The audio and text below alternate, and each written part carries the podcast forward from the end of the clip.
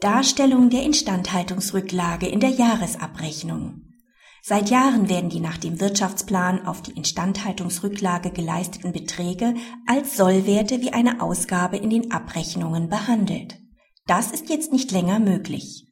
In einer Jahresabrechnung werden die im Wirtschaftsplan für die Bildung der Instandhaltungsrücklage vorgesehenen Werte, ungeachtet dessen, ob Zahlung seitens aller Sondereigentümer erfolgt ist, als fiktive Kosten eingestellt.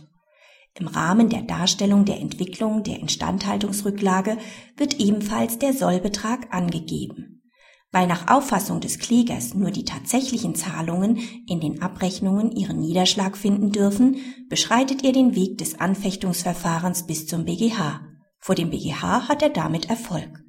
In die Jahresabrechnung der Wohnungseigentümergemeinschaft sind nur die tatsächlichen Beträge einzustellen.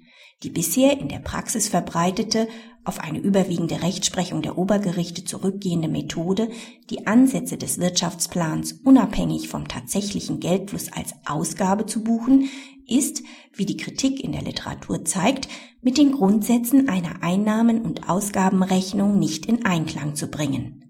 Eine solche Vorgehensweise ist, weil der tatsächliche Bestand der Rücklage nicht mehr ersichtlich ist, nicht nachvollziehbar. Zudem ist sie auch sachlich falsch, denn nicht geleistete Beträge, etwa fehlende Hausgeldzahlungen mit ihrem Rücklagenanteil, stehen der Wohnungseigentümergemeinschaft effektiv nicht zur Verfügung. Es liegt mangels Geldflusses auch keine Ausgabe vor, denn tatsächlich verbleiben die zugeführten Werte im Vermögen der Gemeinschaft. Sie als Ausgabe zu behandeln ist nicht systemgerecht. In der Einnahmen- und Ausgabenrechnung dürfen nur tatsächlich erfolgte Zahlungen wiedergegeben werden.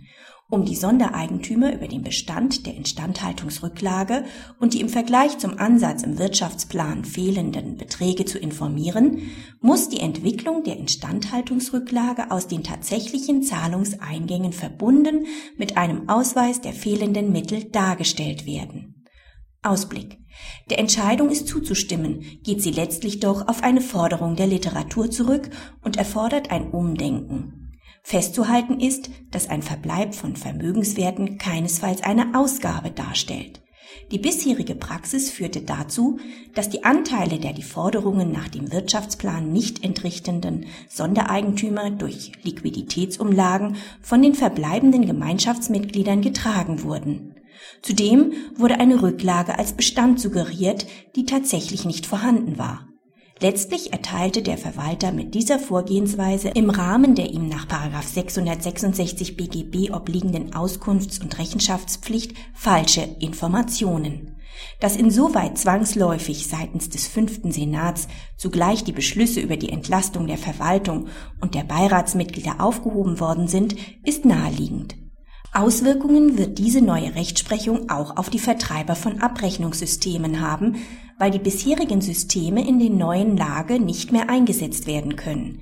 Deren ungerührter weiterer Einsatz führt zwangsläufig dazu, dass unzutreffende Abrechnungen erstellt werden. Für Verwalter, die in Kenntnis der neuen Rechtslage von diesen Systemen noch Gebrauch machen, wird spätestens mit der Abrechnung für das Jahr 2010 auch unter dem Gesichtspunkt der Kostenhaftung nach 49 Absatz 2 WEG ein erhebliches Haftungsrisiko entstehen. Zudem werden Sie nach einer Beschlussaufhebung im Rahmen einer Anfechtungsklage nicht umhinkommen, die Jahresabrechnung nach den Vorgaben des BGH neu zu erstellen und sollten sich daher rechtzeitig auf die Neuerungen einrichten.